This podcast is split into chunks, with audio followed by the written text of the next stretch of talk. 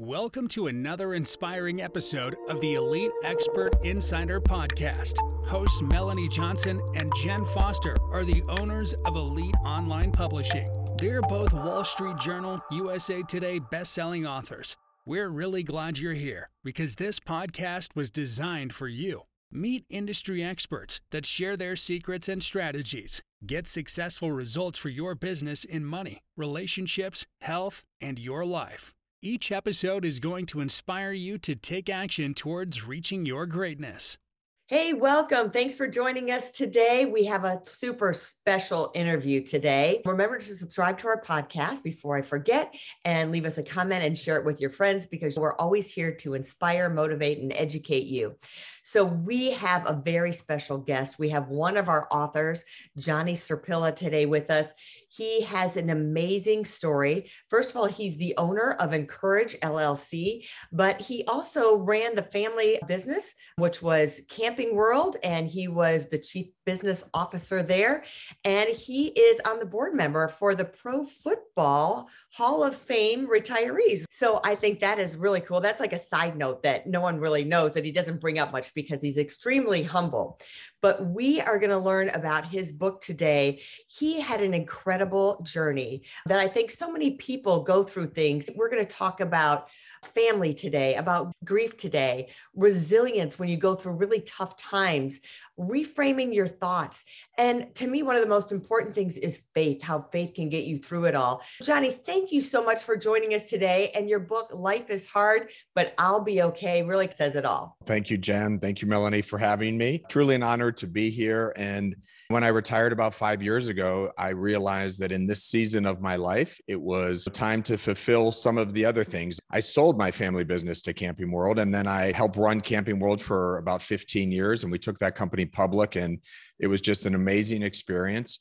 But then at 50, I decided my industry was chosen for me by my dad previously, and I loved it. And I was honored to play the roles that I played but it was time to explore some things that are passions of mine. And one of which is certainly connecting with people, encouraging people, which is why my company is named Encourage LLC, because I do love to do that and try to make an impact with people. And I'm hopeful that this book will do that. That's awesome. Tell us a little bit, Johnny, about your journey through what this book is about and your journey through grief and having hope and emerging through gratitude. First and foremost, the book is a tribute to my wife. She's been my partner in this journey, and it was an opportunity for me to honor her for the way that she has honored our family. And when a couple is interested in starting a family, they do it together, of course, but we all know it's much more taxing on the woman, certainly physically, than the man. And in our case, that taxing effect on my wife lasted years. It took years to even get pregnant and a lot of drugs and a lot of injections. And she went through a lot. And as people look at us today with children that are 22, 24, and 26, and they think, oh, you timed that perfectly. What great family planning. We really kind of laugh at that thought because our journey started off in a really rough way. So I'm honoring Susan in her love and devotion and commitment to be a mom and what she was willing to fight for. And our journey, like many couples who struggle with infertility, it became a way for us to emerge as better humans out of it as better husband and wife to each other, certainly ultimately better parents. And so that's where the resilience comes in that you speak of. And for us, after years of infertility, we were blessed with a pregnancy with triplets.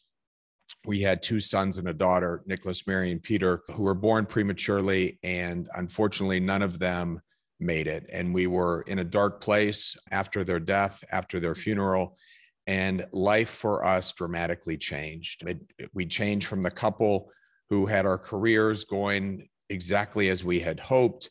And we were making those accomplishments and we were deeply in love. And we even fought through the fertility years together. But then we hit a low that we thought that we would never see something like that in our lifetime. And it's certainly against the natural order to bury a child. And for us, what we didn't realize was that low could later be turned into a great blessing in our life, which Nicholas, Mary, and Peter were with reframing our thoughts and trying to get our head in a better place to do better than survive, but really to thrive.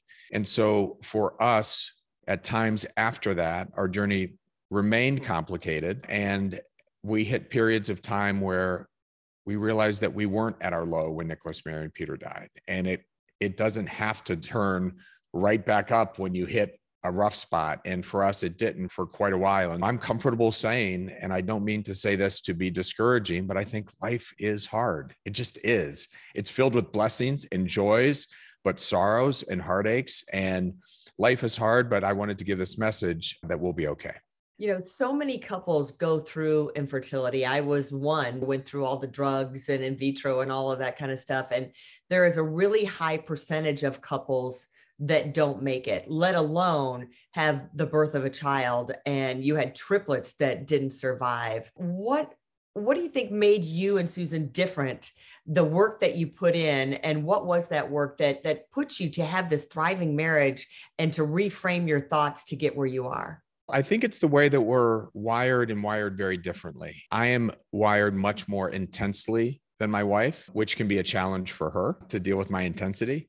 And then she is wired more calmly for me than me, which can be a challenge for me because I don't have just that natural calm. I'm in that natural go and fix and we'll do things.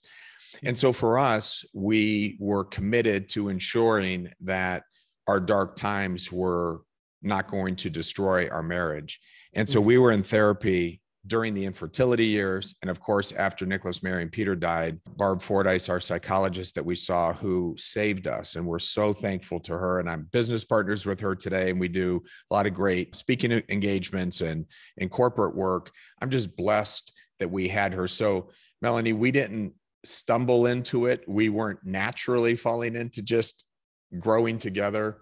We intentionally sought help to ensure that every step that we took was one closer towards each other and not away from each other because when we looked at each other we saw a shared pain that mm-hmm. i think what a lot of couples do for that is to get relief from that as they separate from each other mm-hmm. you could do that or you could just hold each other tighter and barb taught us through cognitive behavioral therapy taught us ways to reframe our thoughts towards our own inner thoughts and then towards each other's words that we could really cling together.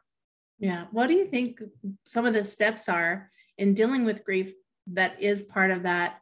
The long words you said, the cognitive therapy. Some of those steps, first of all, going through, of course, all the stages of grief, right? Denial, anger, acceptance, right? All of those you have to go through. For us, one thing that did help us is that neither of us ever needed to spend any time in the why me mode and and having to answer those questions. Matter of fact, in the book, one of the chapters as was entitled "Why Not Us," and we thought that because so many people kept saying to us in trying to be helpful at the funeral, at the calling hours, after, if they'd see us in the grocery store, I'm sure you're just having such a hard time wondering why me.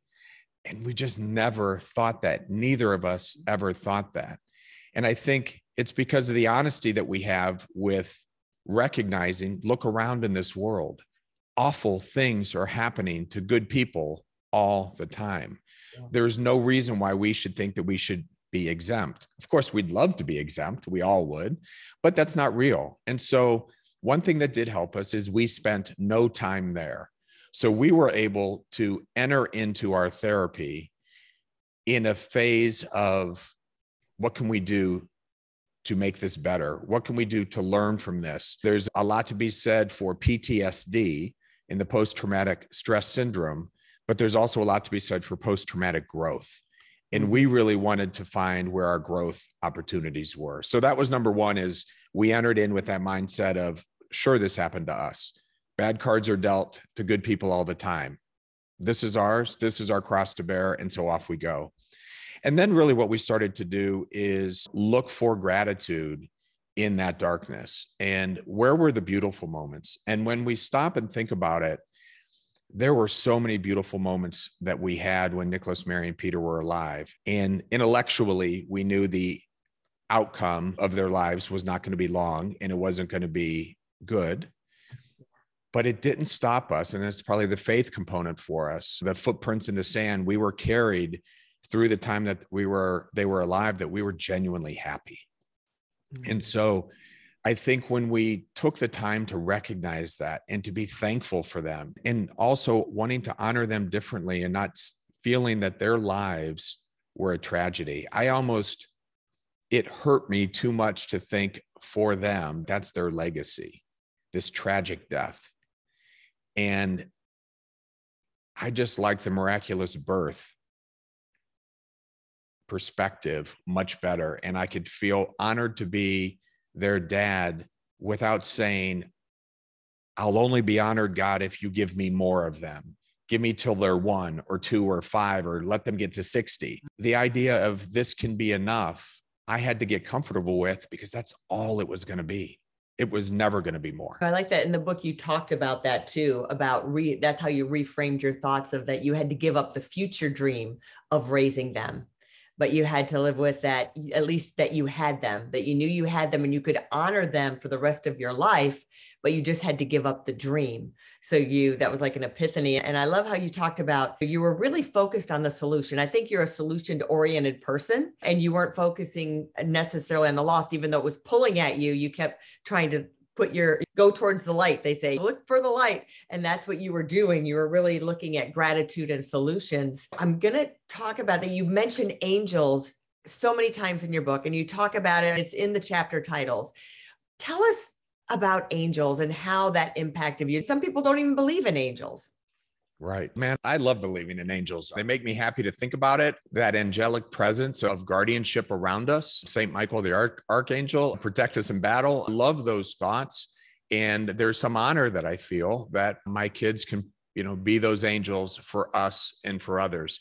And the irony of the whole theme of angels was that was their nursery theme before they died. That was what we selected just in our interior design ideas. We love things that are different and a little unusual. And so we chose angels as the theme for their nursery. And it was a vaulted ceiling in their bedroom. And we had an artist come in and paint clouds in the ceiling and angels hanging from it. And so we just thought it was really cool. It turns out to be pretty prophetic as well. And I wouldn't say a self fulfilling prophecy because that's too dark, but I think it, there was some connection that we felt early on we had angels candles lit during the conception time and during in vitro. We had those lit during the pregnancy. And so to realize that they ultimately became angels and became them so quickly, again, we're going to choose to see beauty in that. And when I say that, I it, it does not mean that we didn't cry a ton, that we didn't spend a lot of time at the cemetery just laying on the ground to be six feet apart from them and sobbing at the cemetery and making pacts and deals with each other that we're not going to go there every day. And then I'd say I have to get there today, but I won't let Susan know. And then I get there and she's already there. All of this was a process. It wasn't immediate. It, it took time. It took resilience. It took determination to fight for happiness. And as opposed to self medicating through ways that bring you down, whether it's alcohol or drugs or too many prescriptions or whatever that might be. We chose to self nourish and look at the situations that were in front of us and say, man, there is this love for my wife is so intense. This is amazing. I, what I feel for her because of her sadness right now. I'm so blessed that I get to be with her here during this time. Not that it's awful that I have to be here with her because she's crying. But it, there's, it developed a side of our relationship that there was really a lot of beauty to it. And again, it's a matter of perspective. Someone else could be looking in the window and seeing the two of us and say, oh my gosh, that's sad and that's awful. Yeah. That's a perspective. The other perspective was we shared a lot of beautiful moments together, trying to lift each other up and get out of bed and say, we can do this today. We can have a new day. I love that. That brings me to my next question about how important is it to have the essential value of faith in your life? Jen, I wouldn't know how to exist without it. Fortunately, both Susan and I were raised in Christian homes, strong in our Catholic faith, and wanting to be active in our Catholic faith. And I think we would have felt much more alone. Mm-hmm. I think we could have felt much more victimhood. We were never victims of what happened. We were parents and we were blessed to experience the creation of three new souls and three new babies. And so our faith got us to understand that my mom said something, and she said it repeatedly, but she said it the night that they were born.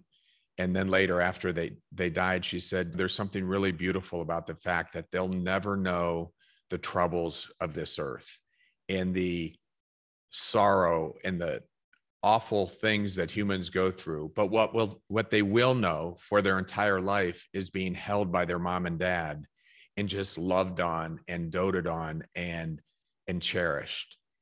And she said not a lot of people very few people ever get a life experience like that. I'm going to take faith in that that my kid's life experience was beautiful and my faith tells me that. My faith assures me of that. And my faith also tells me that where they're at now they're waiting for me they're waiting for my wife they're waiting for their brothers and sister and all their family where we will be reunited. And i think over time we recognize that it was a bye for now. We're going to hold on to you here. I'm still going to be your dad. I'm still going to talk about you. Um, turns out I'm going to write a book about you and then have the opportunity to talk to amazing people and share a perspective that some others might not see it that way and hopefully it can help. You've had this journey and obviously it's been years since you've gone through this experience and I've been talking to you for several years about writing this story. Why now? Why was now the time that you felt it was time to write this book and tell your story to the world? Turning 50 when I retired from corporate America. And although I don't consider myself retired now, I'm really repurposed from doing what I knew for 30 years. Blessed to be in a position to say I have more time, I have full control of my schedule. And you know, there's something about stages of life, and I'm a big believer in the various stages and it was time for me professionally to say that stage was awesome.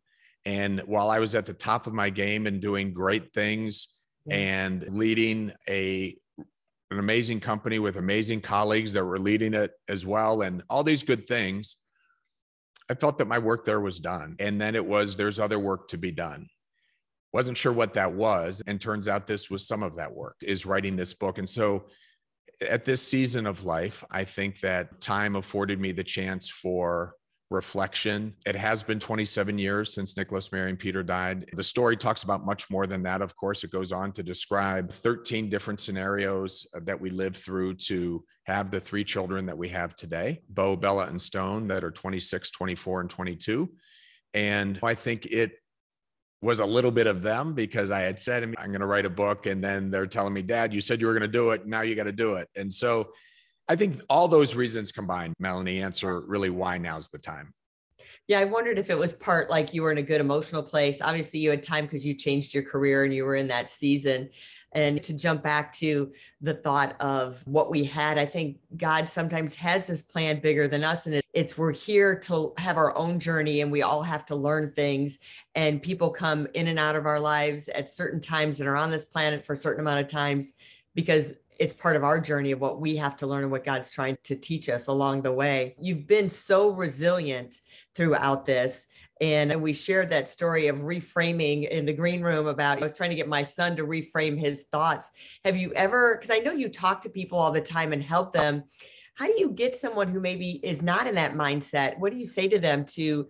Is it just telling your story to get them to reframe your thoughts? And you're so great with your kids. You're such an outstanding dad. And as parents, we're trying to convince our kids to think a certain way or do something. And we hit these roadblocks. What's some of your advice for that? One is I really believe in really open, honest dialogue. And the people that know me know that I'll always do that and I'll work to do it in a way that's respectful. So I've always said that there's no such thing as uncomfortable conversations because we can talk about anything, absolutely anything, as long as we are respectful, we're mindful of the words that we choose, we know what our intent is, and we have an agreement with the person on the other side of the conversation that you'll allow me to be extremely honest with you and say some things that you might not want to hear. And so at times when I'm, that's the opening that I have with somebody. But then at times when it's time to get to one of those comments, I might say, all right, buckle up and get ready because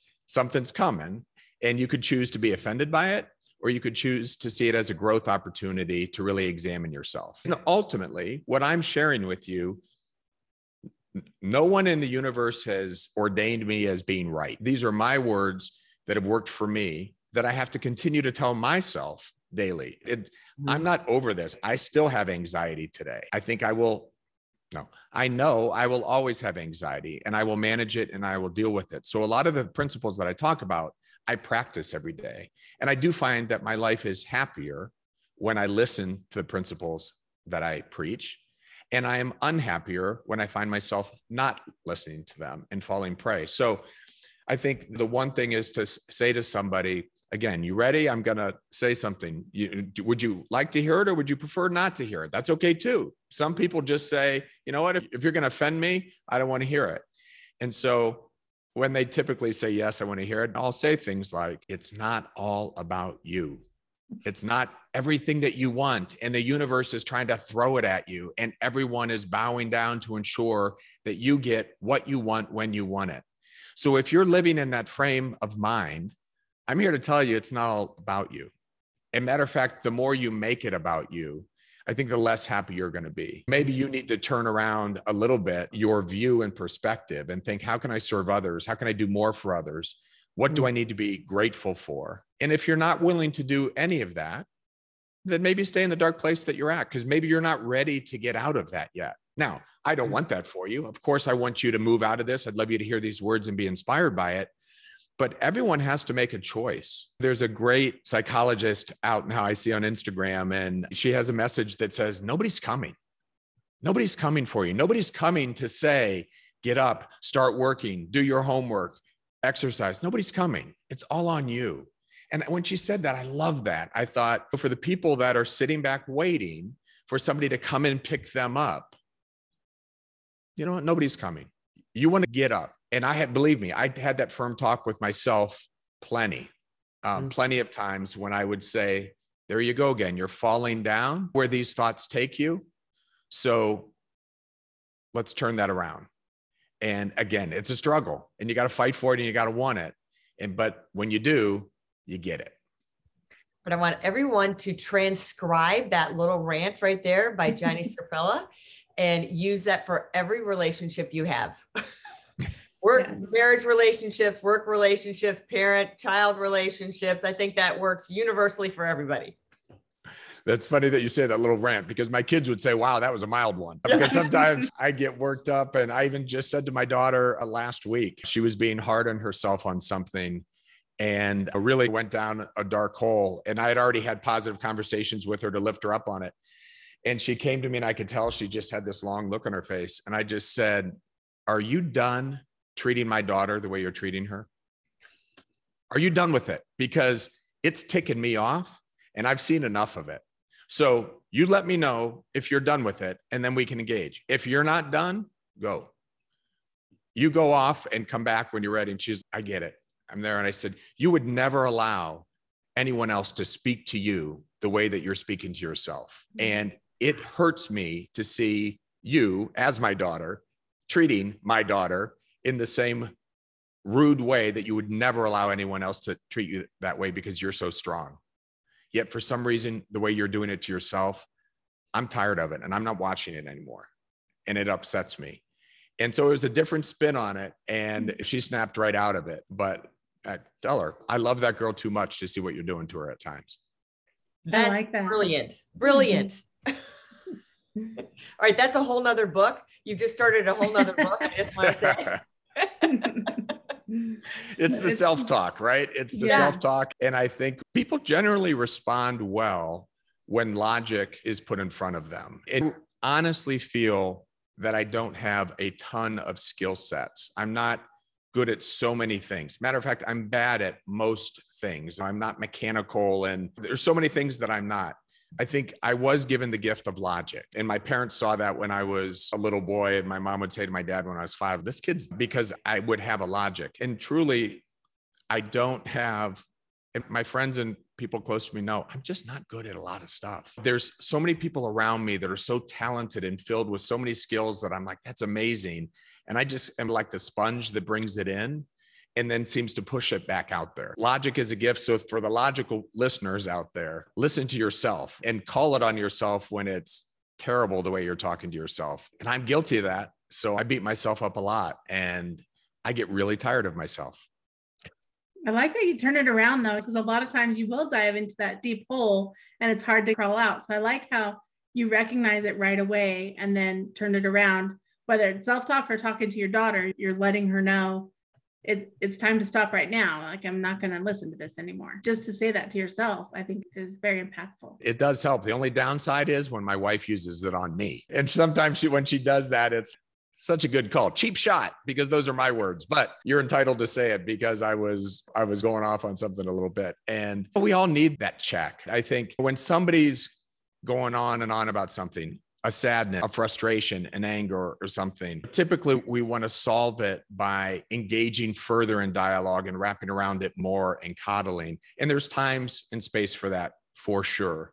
I think there's also a time and space for get over it, get over yourself. And in this self reflection that you have amplified, that's enough. And obviously, that's appropriate in situations situationally, right? It's not yeah. universally applied. But there's times that, especially with my anxious thinking and my anxious thoughts, that I just got to say at some point, just enough, just let it go. And therapy. So I'm a big fan of that, spent a lot of time in it and and it's really helped me. Yeah you were smart at starting therapy during the whole process. A lot of people don't go into therapy or get a coach or mentors until they're already crashing and burning. They you did it right from the beginning which was really smart. So. That's probably as a result of being anxious. There was just so many thoughts swirling around that after mm-hmm. a year of trying after two years of trying it's easy to get to the point of we will never have kids. And if we never have kids what are we? That career couple we never wanted that. We wanted good careers and we wanted to have that financial success, not at the mm-hmm. cost of children. And it's easy to spiral there for a guy like me that thinks as an active thinker, as I call myself. So solving it was the only way to deal with it. And that was going to somebody that can help. And yeah. you're right that so many people wait too long. And then in the relationship, too much damage is done. And then that's in some cases irreversible. Or then there's the self medicating path that yeah. people try. And being an anxious guy, I say that I don't think I ever want to get rid of my anxiety because I never would then drink too much because right away I'd be worrying, like, oh gosh, the last thing I need right now with all that we're dealing with is having a drinking problem. So I couldn't turn to drinking because I would be too worried that I would develop a problem of it because it would feel good in a temporary moment and then it would take me down a new hole, a rabbit hole that I don't want to go down. And so that's why I say I'll live with my anxiety and I'll manage it daily and I'll make better yeah. choices because of it. That's funny. On a personal note, I when I was dealing with my own things, it was either give me a, no, don't give me a glass of wine, give me a full bottle of wine, or I was going to have to be like an Olympic athlete and train and be in the best mindset, body set as you can be to deal with it. And I chose the latter, which I think was a much healthier choice, like you said. Johnny Serpilla, the author of Life is Hard, but I'll Be Okay The Power of Hope, Emerging Through Pain and Learning to Live Life with Gratitude. Tell us where we can get your book and, and when it's coming out.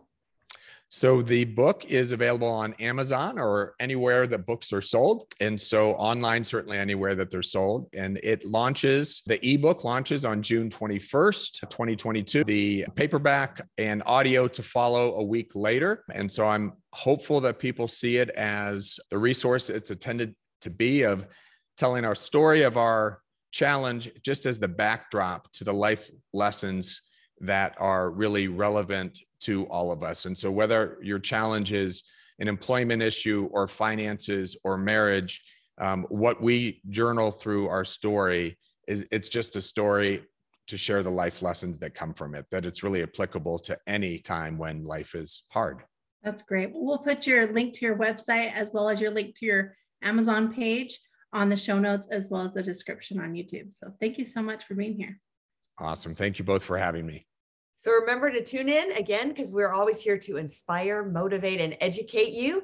And if you're thinking of becoming an author, check us out at eliteonlinepublishing.com. Hit that submission button. We guarantee our authors will become number one bestsellers. We'll see you next time. Have a great week, everyone. Bye. Bye.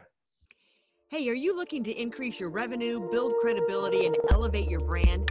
This podcast is brought to you by Elite Online Publishing an innovative publishing and full spectrum marketing company. They will publish and market your book to make it a number one bestseller. Becoming an author is the best way to market your business. So contact them at eliteonlinepublishing.com today all of their authors become number one bestsellers.